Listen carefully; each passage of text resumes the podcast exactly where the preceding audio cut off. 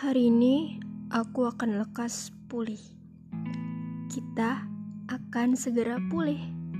Kita akan menemukan hal paling indah dan hal baru di masa yang akan datang nanti. Kalau kamu bukan sebuah kesalahan dalam hidupku, dan kamu bukan bentuk dari rasa sakit ini, maka aku berharap ke kamu tetap di samping aku ya. Ini perintah dari aku untuk kamu. Canda. Yang penting kita saling berkomunikasi aja. Udah cukup.